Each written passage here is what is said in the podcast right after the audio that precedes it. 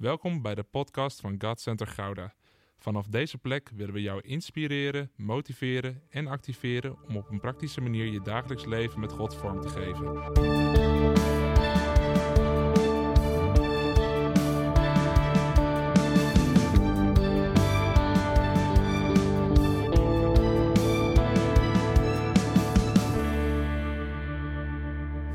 Voordat ik eh, het woord induik, uh, ik had beloofd dat ik uh, op woensdag ook nog even wat dingetjes over vasten zou delen.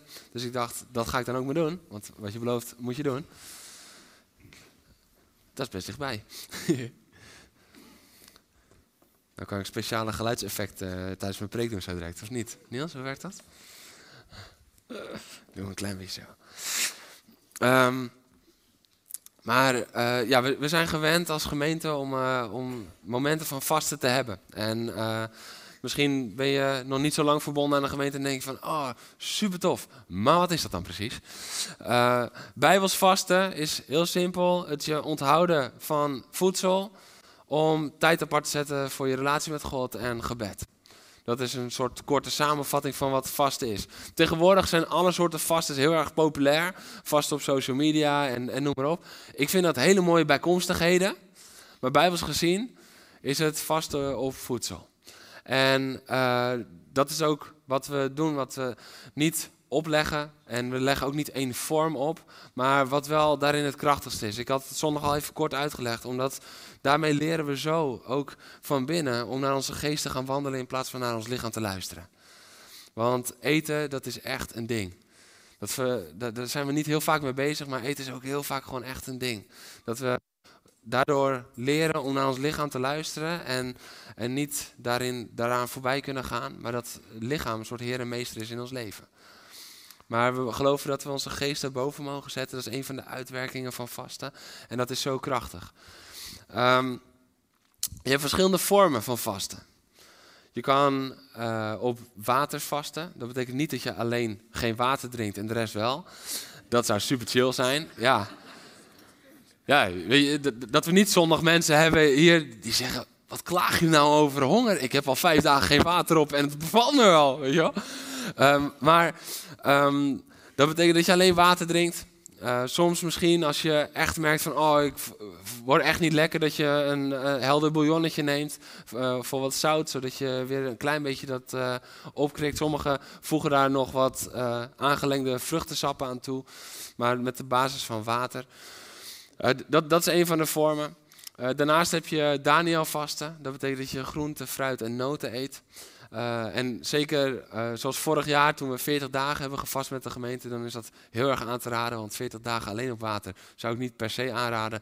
Tenzij God je echt heel specifiek en het ook nog twee keer heeft bevestigd, dat vraagt. Maar normaal gesproken is dat heel ongezond en uh, dient dat op het gegeven moment ook het doel niet meer. Omdat je lichaam niet eens meer uit bed kan komen waarschijnlijk.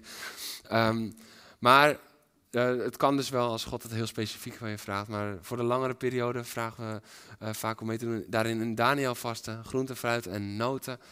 Uh, en weet je, daarin ook, vasten moet niet iets wettisch worden. Het moet, vast is een middel door God gegeven en niet een einddoel. Dus als jij gaat vasten en je werkt in de bouw en daardoor uh, gaat het helemaal mis op je werk omdat je gewoon alleen maar water drinkt en je kan dat helemaal niet handelen. Wees dan wijs en zeg dan van ik doe het de Daniel manier, zodat ik wel genoeg energie krijg om dat te doen, maar dat ik wel voel van oké, ik zet tijd apart voor God en ik ontzeg me heel veel ander eten. Dus ga er in wijsheid mee om. Ook als je bepaalde uh, ziekte nog last van hebt. Ik had bij de tieners uh, had ik een jongen ja, die, die had suikerziekte. Ja, dan alleen op water gaan, dat is niet heel wijs. Dus toen hebben we overlegd van, hé, hey, wat zijn de dingen die je dagelijks eet? We hadden toen vijf dingen, eh, vijf dingen die hij dagelijks at uh, en die hij ook echt daarvan genoot. En die hebben we weggestreept, zodat hij het echt voelde, zich echt onthield ergens van. Want hij wilde wel heel graag meedoen. Soms denken we van, ja, maar ik heb last van een ziekte, daar kan ik niet meedoen. Nou, dan mag je dus wel gewoon ook op die manier zoeken van, heer, wat wilt u me geven dat ik toch mee kan doen? Dus daarin, God kijkt naar het hart. Het, het, hart is daarin het allerbelangrijkste. Zit er kracht in, uh, in dat stukje gewoon diehard op water gaan of Daniel, ja 100%. Maar als iemand dus nog last heeft van een ziekte en daardoor het op een andere manier doet, zit daar net zoveel kracht in. Want anders zou iemand misschien wel levenslang beperkt zijn, omdat er iets in zijn lichaam mankeert of haar lichaam mankeert. En dat zou nooit Gods hart zijn dat diegene daardoor dan zegen zou missen. Dus ga er in wijsheid mee om. In wijsheid mee om. En tegelijkertijd, weet je, um, denk niet als je op dag twee bent van oké, ik voel me een beetje slapjes. Weet je wat, ik ga weer eten. Als er geen onderliggend iets is, zet dan door. Want wat ik al zei, de derde dag is vaak het ergst. En daarna wordt het ook iets makkelijker. Dus uh, dat is uh, zaterdag. Zaterdag hebben we het allemaal weer makkelijk. Dan komen allemaal zo huppelend binnen, weet je wel. Jullie zitten nu nog een beetje zo van, oh, ik ben blij dat ik na 40 minuten worship weer mag zitten. Want ik ben een beetje... Maar zaterdag, dan, uh, dan, kunnen we helemaal los. Um, dus, dus dat, mochten er nog vragen zijn over vasten, allemaal naar Harro toe gaan. Nee. Oké, je denkt Harro. dat was gewoon een grapje, kwam ter plekke. Um, maar maar um, kom, kom, dan inderdaad naar een van de, de leiders toe. We willen je er graag in helpen en uh, een stukje backup extra ingeven. Yes. Vandaag gaan we het hebben over de betekenis van opwekking. De betekenis van opwekking. Weet je, soms kan opwekking ook gewoon een begrip, een soort containerbegrip zijn geworden van het is vet goed om naar opwekking te verlangen. Dus laten we met z'n allen uitroepen dat we verlangen naar opwekking. Nou ja, dat is goed om dat met z'n allen uit te roepen, maar dan moeten we ook wel weten wat het betekent. En daarin wil ik je meenemen eh, terug in de tijd, want het was al tien dagen aan de gang. En het was een periode van bidden, van wachten, van uitzien. En de omgeving moest niets van ze hebben. En elke dag was het bidden, bidden, bidden. Tijd apart gezet. Bidden, bidden, bidden. En ze waren bij elkaar en ze waren eensgezind. Waar heb ik het over? Nee. Geen Pinksteren dit keer. Nee. Azusa Street. 1906 een soort Pinksteren. Het was zeker een soort Pinksteren. Want de voorbereiding was hetzelfde als de discipelen hadden met Pinksteren. Daarom kon ik al die overeenkomsten kon ik zo oplepelen. Want dat is namelijk wat er met Pinksteren gebeurde, maar wat er ook op Azusa Street gebeurde. Azusa Street, voor degenen die dat niet kennen, is eigenlijk de start van de grote Pinksterbeweging wereldwijd geweest. Toen, toen is het echt als het ware ontploft. Daarvoor was er wel een Pinksterbeweging, maar daar is het ontploft en nog zoveel groter geworden. En daar is zoveel werk van de geest vanuit gekomen. Het was in Los Angeles en William Zeemuur, ik weet nooit of ik het goed uitspreek, maar zo staat het ongeveer geschreven. Hij volgde de lessen van een andere leraar, Charles Parham. En weet je, daarin zie ik ook, dwars door elke gebrokenheid heen, kan God opwekking brengen. Want deze William, deze moest de lessen van uh, deze meneer Parham, moest hij volgen op de gang. Niet in het lokaal, maar op de gang. Hij was een bijbelleraar en hij onderwees dagelijks. En hij moest op de gang. Weet je waarom? Omdat hij zwart was. En deze William, dus door alle blanke Amerikanen als niet goed genoeg gezien. Ja, je mag, je mag het wel volgen dan, maar dan wel op de gang. Deze William die werd daarna beroepen door een kleine kerk als voorganger. En daar werd hij al heel snel weer uitgezet. Dus het was een soort faal op faal op faal menselijk gezien. En was door die situatie heen, toen hij bij een echtpaar, Asbury, uh, mocht blijven slapen, uh, samen met zijn vrouw. En uh, ze mochten daar blijven slapen. Nou hij is later pas getrouwd trouwens. volgens mij in 1908. Dus uh, hij mocht daar blijven slapen. En ze begonnen daar te bidden met elkaar. Ze begonnen daar gewoon hun verlangen naar God te uiten. En er ontstond een gebedskring. En langzaamaan kwamen er wat mensen bij, wat mensen bij. En toen kwam het moment dat ze naar Azusa Street gingen. Dat ze daar een oude loods uh, betrokken. Het zag er nog niet uit, maar ze knapte het een beetje op en ze gingen daar verder met de samenkomsten. Totdat ze op het gegeven moment tien dagen aan het bidden en aan het vasten waren, in april 1906. Tien dagen bidden en vasten. En toen viel de geest. En William, die nog nooit in tongen had gesproken, die wel al het onderwijs had gehad en wel al het verlangen had, maar had het nog niet ontvangen, bam, in één keer. En veel meer en veel meer. En weet je wat er toen gebeurde? Toen brak er een opwekking uit. Toen brak er een opwekking uit waar mensen van over de hele wereld naartoe zouden gaan. Weet je hoe lang de eerste dienst duurde? Dit... Ja man, ik zeg, ik heb het tegen jou verteld. Iemand. Hoe lang ongeveer? Eerste dienst. 24 uur.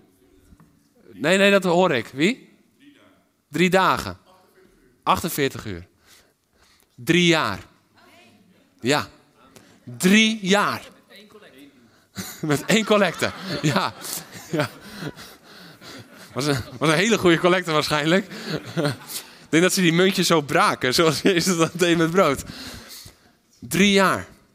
Drie jaar lang was daar gewoon dienst, continu onderwijs met slechts korte pauzes om te slapen. Drie jaar lang was gewoon, ze gingen door en door en door en door. Mijn vraag is, wil je opwekking? Ja, maar dit is een hele serieuze, fundamentele vraag aan het begin van deze week. Want we kunnen wel zingen, oh, oh hey, Heer, ik ben er klaar voor, ik wil opwekking. En we kunnen wel zeggen van, oh, revive your church, wek uw kerk op. Maar willen we het wel echt? Want dat betekent dat je voor de komende drie jaar eventueel misschien wel... En God werkt altijd anders, hè? Dus ik zeg niet dat het nu weer drie jaar is. Kan ook gewoon acht jaar zijn. Ja, laten we eerlijk zijn. Hij werkt altijd anders. Dus we kunnen wel zeggen, we willen dat. Maar zijn we dan ook bereid om te zeggen, oh Heer... Maakt mij niet uit. Misschien moet ik mijn voetbal opzeggen. Misschien moet ik mijn sportclub opzeggen. Misschien moet ik dit, misschien moet ik dat. Netflix sowieso. Daar heb ik geen tijd meer voor. Maar maakt me niet uit wat ik moet opzeggen. Maar Heer, geeft die opwekking. Want alleen op dat gebed komt er opwekking. Als dat niet in het gebed zit, als het een leeg gebed is, Heer, geef ons opwekking, geef ons opwekking, maar we zijn niet bereid om die gevolgen van opwekking met vreugde te dragen, dat we er volledig voor gaan, dan zal opwekking ook gewoon niet komen. Waarom? Omdat de kerk niet sterk genoeg is om die opwekking te dragen. En omdat het dan uiteindelijk in heel veel verscheidenheid zal gaan eindigen. En dat is niet Gods hart. Gods hart is dat er echt opwekking komt in zijn kerk. En ja, dan moeten we ons voorbereiden op wat er komen gaat. Wat het ook is. Dat weten we niet van tevoren. Bij de discipelen ging het weer heel anders. Bij de discipelen was het gewoon boom in één dag 3000. Ho, deze hadden we niet zien aankomen. En daarna weer duizenden die erbij komen. En bij de discipelen, dan is eigenlijk de opwekking, is de kickstart van de grote christenenvervolging. Oh, maar wacht eens even, dat hoort niet bij opwekking. Ja, dat hoort ook bij opwekking. Want door die vervolging zou je zien, en dat gaan we deze week allemaal nog door, door die vervolging gaan ze verspreiden. En door die verspreiding komt het evangelie niet alleen bij de Joden, maar ook bij de heidenen. Het doel van God. Ik zeg niet dat God die vervolging wilde, maar hij gebruikt het wel om zijn evangelie te verspreiden. Maar waar opwekking komt, ja, daar kan ook tegenstand komen. Sterker nog, er is in de geschiedenis nog nooit een opwekking geweest waar geen tegenstand kwam. Dus zijn we ook klaar om die tegenstand te dragen. Ik had een keer met pastor Arno een gesprek, al jaren geleden. Toen hadden het over, we roepen altijd, Heer, zend me waar u wilt. En gebruik me waar u wilt. En toen zei hij, ja, dat roepen we altijd wel. Maar zou je het doen als God vraagt om naar Iran te gaan? Zend me waar u wilt. Als er opwekking uitbreekt, dan gaat God ook radicale dingen vragen. Maar zijn we dan bereid? Weet je, we vieren de opwekking van Pinkster altijd, toch? Pinkster zijn we enthousiast over. Ik ben vet enthousiast over Pinksteren. ik ben enthousiast over Pinksteren. En dat vind ik gewoon, oh man, dat feest. Weet je, het, het vuur van de geest die komt en de geboorte van de kerk, we vieren Pinksteren. En we vinden Pinksteren heerlijk. Waarom? Ja, het is lekker, de kracht van de geest en noem maar op. Maar de opwekking die volgt op Pinksteren betekende een martelaarsdood voor alle apostelen. Zijn we bereid om opwekking te verlangen? Willen we opwekking? Of vinden we het comfort van ons huidige leven ook wel lekker? Ik vind het wel goed zo.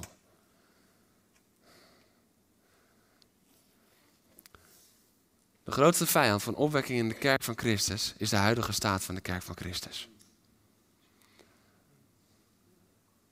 Want wat hebben we het fijn in de kerk? Wat hebben we het heerlijk? Het is er altijd warm, bijna. Het is zo lekker. En, en op zondag komen we samen met wel 400 man, handjes in de lucht. En, oh, zo fijn. Het is vaak zo fijn. Nou, daar heb ik laatst al een keer over gehad. Over een fijne dienst of niet. Maar dat is zo vaak de grootste vijand van opwekking. Want omdat we het zo fijn hebben hier bij elkaar, bloedt ons hart niet meer voor de verloren naar buiten. Terwijl Gods hart erom huilt. De mensen die nu nog verloren zijn. Willen we echt opwekking? Kijk, ik heb een quizvraag. De winnaar krijgt een lekkere reep chocola. Nee. Grapje natuurlijk. Oh, voel je hem al smelten op je... Nee, oké. Wat was de grootste opwekking in de geschiedenis? Ik heb net al Azusa even genoemd, maar wat was de grootste? Niet googelen. de grootste opwekking. Ah, halleluja. Lekker man. Ik hoopte al dat iemand er zou zeggen. Wat zei die, wat zei die, wat zei die, wat zei die, wat zei die? Van Jezus. Elke opwekking die vandaag de dag nog gebeurt of in de hele kerkgeschiedenis is gebeurd, staat in het teken van de opwekking van Jezus. We moeten niet opwekking na, ja, nastreven voor de kick van een opwekking. Nee, we moeten opwekking nastreven omdat de opwekking van Jezus dan in volle kracht benut wordt voor het koninkrijk. Dat is de reden dat we verlangen naar opwekking. We gaan niet verlangen naar opwekking omdat het zo tof is. Of omdat we dan wonderen en tekenen zien. Of wow, ik hou wel van drie jaar dienst. Dat we dan elke dag naar de kerk kunnen. Nee, dat is niet de reden. Nee, dat is wat er gebeurt.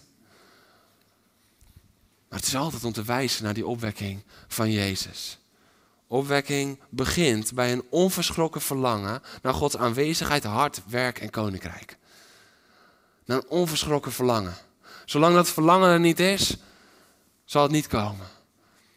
Opwekking komt daarop. Het begint daar. Dat zien we ook in handelingen. We zien het in handelingen. Ze zijn daar eenparig, ze zijn daar eensgezind, ze zijn daar vurig. Ze zijn in eenheid. En ze bidden, ze bidden, ze bidden. En dan na tien dagen zijn ze nog steeds bij elkaar. En als ze dan weer bij elkaar zijn, dan in één keer komt het vuur van God. En dan is alles in één keer veranderd.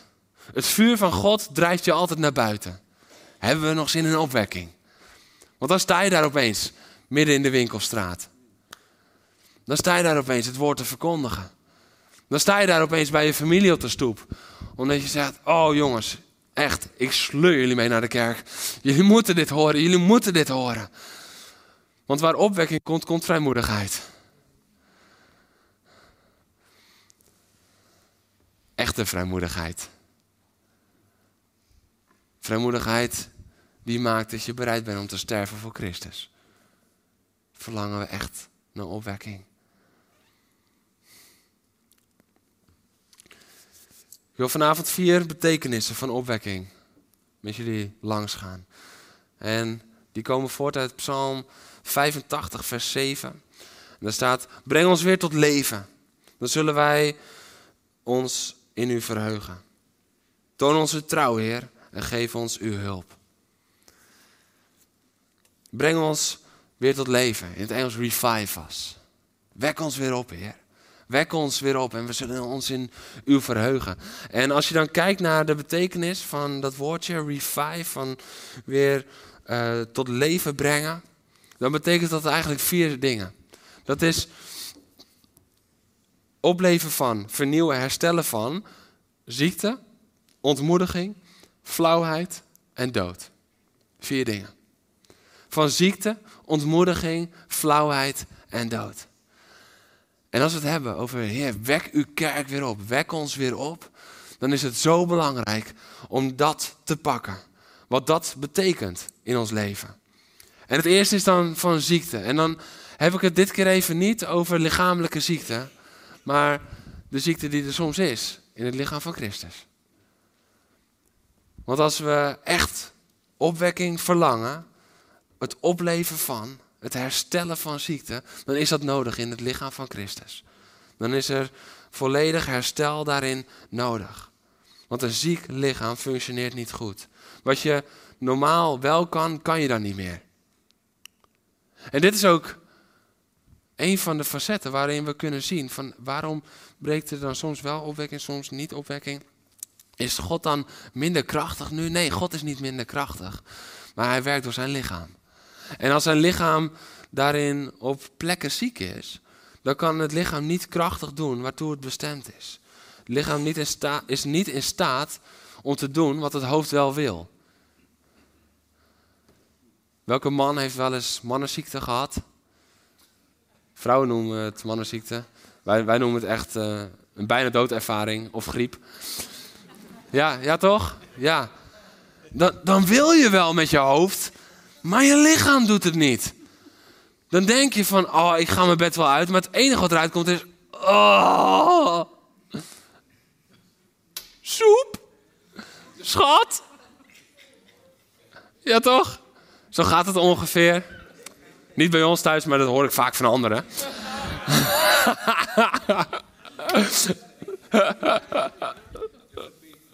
ja, we laten Peet binnenkort een keer getuigen. Maar het hoofd wil vaak wel, maar het lichaam wil niet. Als je aan het herstellen bent van dat je een griep hebt gehad, dan denk je, oh, ik kan dit allemaal wel aan, maar het lukt nog niet. En dat is het nadeel van als er ziekte is, wat je wel wil, wat het hoofd wel wil, wat Christus, het hoofd van het lichaam wel wil, komt er niet uit. Het is niet dat Christus niet wil. Het is niet dat Christus denkt van, nou, ik heb de eerstvolgende opwekking pas in 2036 gepland. Nee, hij wil wel, maar is het lichaam klaar om in die opwekking te gaan? Is het lichaam klaar om te gaan doen wat het hoofd wel wil? En daarvoor moet het lichaam van Christus gezond worden. Nou, een, een paar facetten daarvan. Eenheid. Eenheid. Zonder eenheid geen opwekking. Zonder eenheid kunnen we van alles willen, maar dan zijn we gewoon eindselgangers. En een onsamenhangend lichaam. En een onsamenhangend lichaam kan niet in de kracht van eenheid wandelen. We zien dit ook in de handelingen. Ze bidden eenparig. Ze zijn vurig, eenparig. Ze zijn continu bij elkaar. En weet je, dat is niet totdat de geest komt. Nee, dat is al voordat de geest komt. Dus de geest komt op die eenheid. En die geest werkt dan nog diepere eenheid daarna in ze uit. Want daarna verkopen ze alles en dan gaan ze met elkaar en ze zorgen voor elkaar. Eenheid. Elke dag kwamen ze samen. Weet je, in Handelingen 2, vers 46 of 47 staat dan op het gegeven moment dat de Heer dagelijks aan ze toevoegde. Weet je, dat is vaak wat we verlangen, toch? Dat we, dat we kunnen bidden, oh Heer, voeg dagelijks mensen aan uw koninkrijk toe. Voeg dagelijks mensen aan het lichaam toe. Maar ja, ze kwamen ook wel dagelijks samen. Ja, dan wordt de kans om dagelijks toe te voegen ook een stukje groter.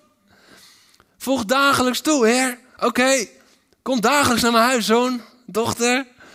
Ik geloof dat God het soms zo weer wil terugzeggen.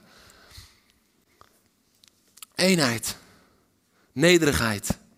Nederigheid. Om een gezond lichaam te zijn, moet je nederigheid in het lichaam hebben. We zien het dat Jezus de discipelen leert met de voetwassing. Met de voetwassing laat hij zien, hey, de grootste moet de kleinste zijn. Als Jezus al onze voeten wast, wie zijn wij dan nog om ons ooit te verheffen boven een ander? Ooit. Dat kan niet. Dat kan niet. Als de meester ervoor kiest om het laatste werk te doen, nederigheid. Waar eenheid en nederigheid komt. En heiligheid. En heiligheid. Dat is ook wat er in handelingen gelijk komt. Hè? Het is niet van, uh, oké, Jezus is gestorven voor je zonde en wil je... Nee, maar het is ook gewoon bekeer je. Boom. Keer je af van je huidige levenswandel. Keer je af, bekeer je, heiliging. Wanneer we dat niet zelf bereid zijn om te doen, in onze dagelijkse wandel, kunnen we dat ook niet prediken.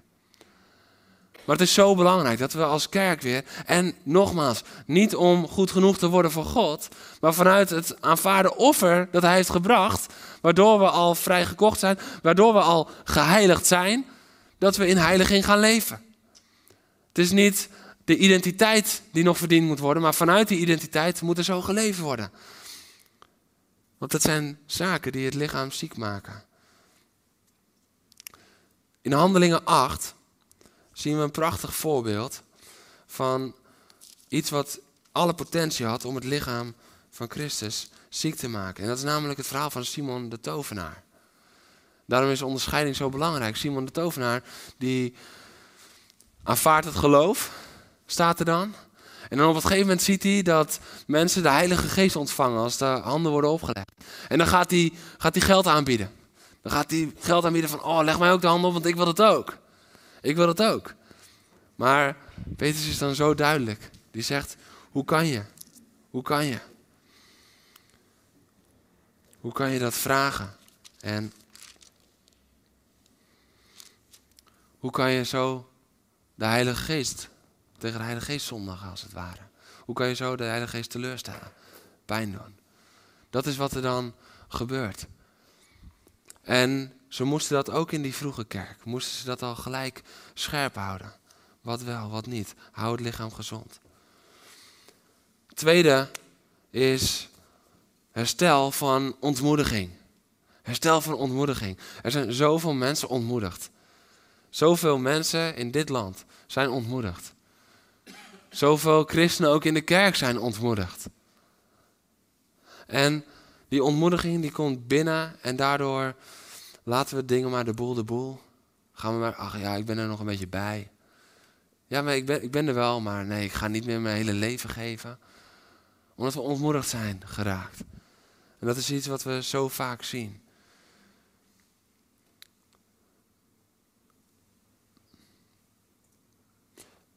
Laat me je dit zeggen. De kerk is de bron van al het goede nieuws.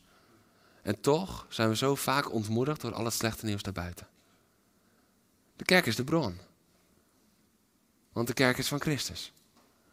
Dus wij zijn de bron van het goede nieuws, omdat Christus, de kerk, het hoofd van de kerk is. Er zit niks van onszelf bij, maar wijzen naar Hem. En wat er dan gebeurt, is dat we door het slechte nieuws om ons heen, dat we ons zo vaak in de minderheid voelen. En dan hebben we het idee dat de hele wereld tegen ons is en dan durven we niet meer. Maar laat me je dit zeggen. Al Gods werk begon vanuit de minderheid. Alles. En als Gideon een 30.000 man heeft, dan zegt God van, nou, dat zou wel eens een meerderheid kunnen zijn, laten we er 300 van maken. Dat is hoe God werkt. God werkt altijd vanuit die minderheid. Dus wij hoeven ons nooit te laten intimideren, wij hoeven ons nooit te laten ontmoedigen, al ben je de enige. Al ben je helemaal alleen. Maakt niet uit. Elia was de enige. Hè? Alle dienaren van de Heer waren vermoord. En Elia was de enige. Grote opwekking die daar kwam. Hij maakte hem zelf amper mee, want het volk begon iedereen te loven en hij ging weg en naar de woestijn. Maar grote opwekking. Het hele volk keerde terug naar de Heer. En Elia was gewoon de enige. Hij was in de minderheid. Maar dat is niet, niet het probleem. Dat de minderheid zich zo vaak terugtrekt, is een probleem. Dat de kerk zich terugtrekt, is een probleem. Weet je, als er opwekking aanbreekt, komt er altijd ontmoediging bij. En voor de opwekking komt er ook altijd ontmoediging. Denk je dat de discipelen niet ontmoedigd waren, net voor Pinksteren? Goeie Vrijdag, Stille Zaterdag. Ze waren ontmoedigd. Ze snapten er helemaal niks van, maar Christus kwam. En ze zullen ook momenten van ontmoediging hebben gehad in de tijd daarna. Maar ze gingen door. Ze gingen door omdat ze boven die ontmoediging stonden. Moet, moet, moet je opletten wat er dan staat in Handelingen 8. zijn we weer. Vers 1. Saulus keurde de moord op hem goed. Dat gaat over Stefanus die uh, gestenigd wordt. Nog diezelfde dag brak er een hevige vervolging los tegen de gemeente in Jeruzalem, zodat ze alle verspreid werden. En dan staat er in vers 4: Degenen die verdreven waren, trokken rond en verkondigden het woord van God. Dus als we verspreid, oké, dan ga ik het hier doen. Ik laat me niet ontmoedigen. Ik laat me niet tegenhouden. Ik, dan ga ik het hier doen. Moet je opletten, wat er staat in Handelingen uh, eh, 5, vers 41. Die is ook geweldig. Die is mooi.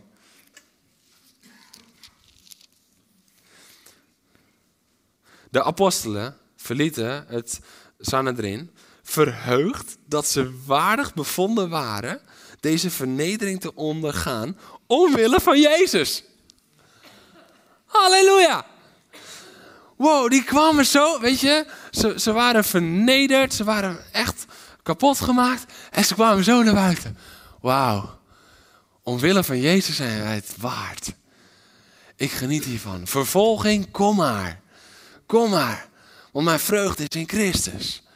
En als ik het dan ook nog eens waard ben om voor Hem vernederd te worden, halleluja, want Hij werd vernederd voor mij. Vreugde. Niet accepteren, niet tolereren, niet net aan oké mee zijn. Niet zo van, ja, nou ja, voor deze keer was het ook best wel prima, maar als we het nog een keer doen, dan stop ik ermee. Nee, verheugd. Wauw, Heer, dank u wel dat ik het waard ben om zo vernederd te worden voor uw naam. Wauw, dat is nog eens omgaan met ontmoediging. Paulus en Silas, die zitten te aanbidden. Die zitten te aanbidden daar in die diepste kerker. Voeten in een blok. Ze konden geen kant meer op. En wat doen ze? Zingen voor Jezus. Zingen. En iedereen hoorde het. Dat was niet van, oh Heer, de Heer is mijn herder. Mij ontbreekt niets. Nee, dat was hard. Iedereen moest het horen. Dat is wat lofprijs is. Lofprijs is niet zo. Lofprijs kan niet ingehouden. Wij denken vaak dat lofprijs ingehouden kan. Maar lofprijs kan niet ingehouden. Dat is luid en duidelijk. Daar hebben we binnenkort een hele toffe spreker over. 4 februari. Zet hem alvast in je agenda. Gewoon zondagochtend. Wordt geweldig. Halleluja. Voordat ik helemaal ga uitweiden over lofprijs. Ontmoediging. Ontmoediging. Herstel ons van ontmoediging. Maar ook van flauwheid en lauwheid. Ook van flauwheid en lauwheid. Heer, herstel ons. Is dit ook ons gebed? Of willen we alleen maar de gevolgen van opwekking zien, omdat we weten dat de gevolgen goed zijn? Of zijn we bereid om de verandering die opwekking in ons teweeg brengt, om die te ondergaan? Weet je, de Bijbel is heel radicaal over flauwheid en lauwheid. Lauwheid is een van de grootste vijanden van de kerk. In Openbaring 2 en 3 staat er dan: U heeft uw eerste liefde verzaakt. Van welke hoogte bent u gevallen? Dit is wat God zegt. Als we onze eerste liefde voor Hem verzaken. Als we, als we lauw zijn geworden. Als we niet meer opgaan in, in verliefd zijn op Hem. Dat we niet die diepe liefde voor Hem brandend houden. Later in een opwekking, opwekking, openbaring 3 staat er, niet koud of warm. U bent niet koud of warm. U bent lauw. Wat staat er dat God doet over lauwheid? Ik zal u uitspugen. God kan lauwheid niet verdragen. En dat is het hele boek Handelingen. Dat is een soort lauwheidsfilter. Het is een soort lauwheidsfilter. Want heel vaak pakken we net even die momenten, weet je, dat, dat inderdaad dat, dat die boeien open gaan en dat ze dan de gevangenis uit kunnen lopen. Halleluja. Wat geweldig.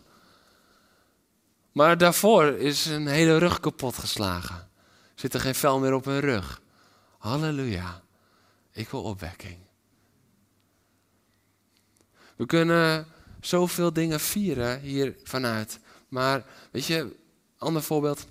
Petrus, die wordt bevrijd uit de gevangenis. Gaan we nog naar kijken. Maar niet vandaag, maar deze week. Wordt bevrijd uit de gevangenis. En, en de gemeente is eenparig aan het bidden. Ze zijn met elkaar aan het bidden.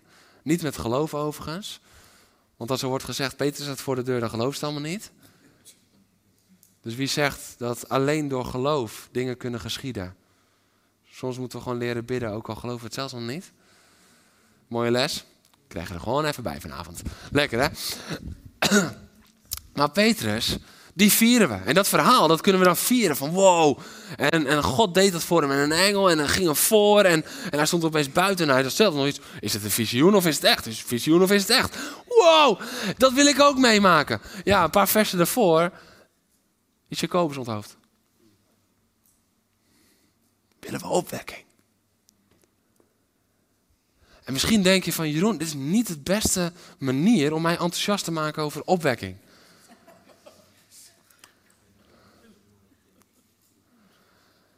Ik geloof oprecht dat dit de enige manier is om je enthousiast te maken over echte opwekking. Want als we alleen maar het mooie plaatje wat ons zint gaan schetsen en we noemen dat opwekking, dan verlangen we niet naar opwekking, dan verlangen we naar eigen verzadiging. Heeft niks met opwekking te maken. Opwekking heeft alles te maken met onszelf helemaal geven. Zeg, maakt me niet uit, Heer. Maakt me niet uit. Zeven dagen per week kinderkerk. Halleluja. We gaan ervoor. Kinderen die beginnen te profiteren. Kinderen die mensen de handen opleggen en dat ze genezen zullen worden. Halleluja. En, eh, en als ik daar dan een stukje onderdeel van mag zijn, door er voor die kinderen te zijn, ja, graag. Ja, ik zeg alles wel op. Ik zeg alles wel op en laat me hier elke dag zijn in uw huis om geactiveerd te worden om naar buiten te gaan. Niet om alleen maar eigen verzadiging, nee, maar om naar buiten te gaan. Om mensen te helpen in hun gebrokenheid, om ze te brengen bij Jezus. Daarom leg ik dit fundament van de betekenis van opwekking. Van echte opwekking. En dan is mijn gebed dat je nog net zo graag wilt als toen je nog dacht dat opwekking alleen maar, glorie halleluja, wat een mooie verzadiging was. Vierde was, opwekking is het herstel van de dood. Het opwekken uit de dood. Toen ik deze week aan het voorbereiden was, toen ervoer ik zo dat God zei, de kerk is soms als Lazarus. De kerk is soms als Lazarus. Dood voor mensen, maar slapend voor Jezus. Dood voor mensen, maar slapend voor Jezus. En wat voor mensen het einde is, daar begint God een indrukwekkender iets dan ooit. Ik voel echt dat de kerk is een soort slapende Lazarus die eigenlijk al is opgewekt, maar de steen moet nog weggerold. Het moet openbaar gaan worden. Het moet, het moet tot uiting gaan komen. Lazarus stierf zodat Christus zich kon openbaren als de opstanding en het leven. Anders kon hij dat nooit op die manier doen. Anders was hij enkel geneesheer en leven. Maar Lazarus moest opstaan uit de dood. Om opstanding en leven te worden. En later zou Jezus ook zelf opstaan. Opwekking uit de dood. En kijk naar wat God allemaal doet in Handelingen 8. Maar dat vindt zijn fundament in de steniging en de dood van Stefanus in Handelingen 7. Waar Stefanus sterft, wordt nieuw leven geboren. Dit is de God die we dienen. Soms denken we zo bekrompen en vanuit onze eigen levensadem en vanuit onze eigen wil en vanuit onze eigen hoop en ons eigen verlangen. Maar dit is wat er gebeurt. Dit is wat er gebeurt als er echte opwekking uitbreekt. Dan gaan we op onze knieën. Dan gaan we op onze knieën en dan zeggen we, Heer, Heer, ik heb zo vaak, heb ik het anders gedacht, maar U wil geschieden. Dan zijn we op onze knieën aan het bidden zoals Jezus ook deed. Heer, ik zou het zo graag willen dat deze beker aan mij voorbij ging. Maar niet mijn wil, maar u wil geschieden. Ja, want ik, vader, ik, ik wil zo graag dat ze één zijn zoals wij dat zijn. Ik wil zo graag dat ze één zijn zoals wij dat zijn. En dan, als zij één zijn zoals wij dat zijn, dan zullen de ongelovigen, die zullen daaraan herkennen dat u echt bent. Waarom komen er zoveel mensen tot bekering tijdens een opwekking? Omdat er een eenheid is die we vaak niet voor elkaar krijgen in normale leven, als ik het even zo maar mag zeggen. Want aan de eenheid van de broeders en zusters zullen mensen herkennen dat God echt is. Dat is wat staat in Johannes. Dat is de realiteit. En opwekking komt dan niet op het moment dat we heel veel zelf kunnen geven of noem maar op. Nee, opwekking komt dan als we gaan geven wat we te geven hebben. Misschien denk je van, ja maar Jeroen, je noemt nu zoveel, maar wie ben ik en wat kan ik? Ik ken nog iemand die dat dacht. Dat is namelijk de weduwe die bij Elisa kwam. Elisa kwam eigenlijk bij haar. En er was een noodsituatie. Een bijna doodsituatie. Er was geen eten meer, er was geen drinken meer. En dan is de enige vraag die Elisa stelt is, vertel me eens, wat heeft u nog in huis? Wat heeft u nog in huis? God vraagt jou, God vraagt mij vanavond, wat heb je nog in huis? Wat heb jij te geven? En voor de ene zal dat misschien kruiken vol olie zijn, als het ware. En voor die ene vrouw was dat maar een heel klein laagje olie. Ja, ik heb nog wel wat olie. Maar het stelt niks voor. Het stelt niks voor. Verder heb ik niks. En de vrouw ziet het gebrek van alles wat ze niet heeft. Waardoor ze de potentie van de olie die ze wel heeft, niet meer ziet. En dat is het Calimero gedrag dat we in de kerk ook zo vaak hebben. Ja, we hebben nog wel iets, we, hebben nog fijn met elkaar. Maar ja, de trend van vandaag de dag. Nee. Zijn we bereid om te geven wat we wel hebben? Zijn we bereid om onze talenten die we van Hem hebben. We noemen dat onze talenten, maar het zijn zijn talenten in ons. Zijn we bereid om die te geven? Zijn we bereid om onze tijd te geven, onze energie, onze financiën? Zijn we bereid om het echt te geven? Want alleen dan kan er een opwekking plaatsvinden. Deze vrouw ziet dus dat gebrek en die krijgt de opdracht: verzamel kruiken. Verzamel kruiken. En dit was een grote openbaring, een, denk een jaar geleden voor me. Toen ik hierin aan het studeren was. Verzamel kruiken, verzamel kruiken. En daarmee, toen de laatste kruik gevuld was, stopte de olie met stromen. Het wonder van die vermenigvuldiging lag in de toewijding van die vrouw. Het aantal kruiken dat zij haalde, zo groot was het wonder. Het wonder was van God. Maar hoe groot het zou gaan uitpakken, dat was aan haar. Want je kan denken van oké, oh wauw, wow, wow, wow, heer, dank u wel dat u dat voor mij wilt doen. En bij de buren twee kruiken halen en daar genoegen mee nemen. Als die vrouw dat had gedaan, had ze twee kruiken gevuld. Maar als zij zei, wow heer, als u dat doet, dan ga ik van de hele buurt. Ik ga het allemaal bij elkaar halen. Dan waren er misschien wel 200 kruiken. En dan werden er 200 werden gevuld. We weten niet precies hoeveel er gevuld zijn. Maar één ding is zeker. Het aantal kruiken dat zij meebracht, zo groot zou het wonder worden.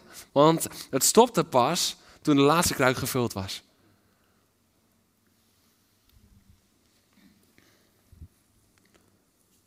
Dit is een sleutel tot opwekking.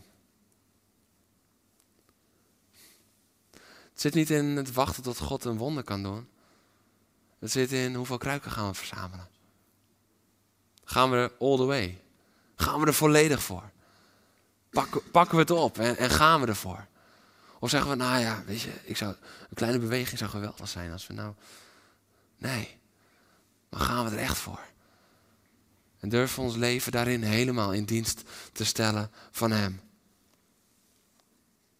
Zullen jullie alvast willen komen, jongens? Durven ons leven echt in dienst te stellen. Zonder terughoudendheid. Wat het ons ook kan kosten. Maar we weten wat het gaat opbrengen. Voor Hem. Voor God. Voor zijn koninkrijk, voor zijn kerk. Voor al die mensen die Hem nu nog niet kennen. Die bereikt moeten worden. Met het beste nieuws dat er is. Dat levens redt. Dat levens redt. Dat is de beste investering die we kunnen doen. Investeren in mensen die gered worden. Die overgebracht worden van het rijk van de duisternis naar het koninkrijk van het licht. Van Jezus Christus. Revive your church. Revive your church. Ik voelde me heel bewust toen God deze week gaf. Om niet alleen maar aan revival te denken, maar te starten in zijn kerk. Want het komt altijd vanuit zijn kerk. Het komt altijd vanuit zijn kinderen. Zijn we klaar om echt ons hart daaraan toe te wijden. Is er echt verlangen.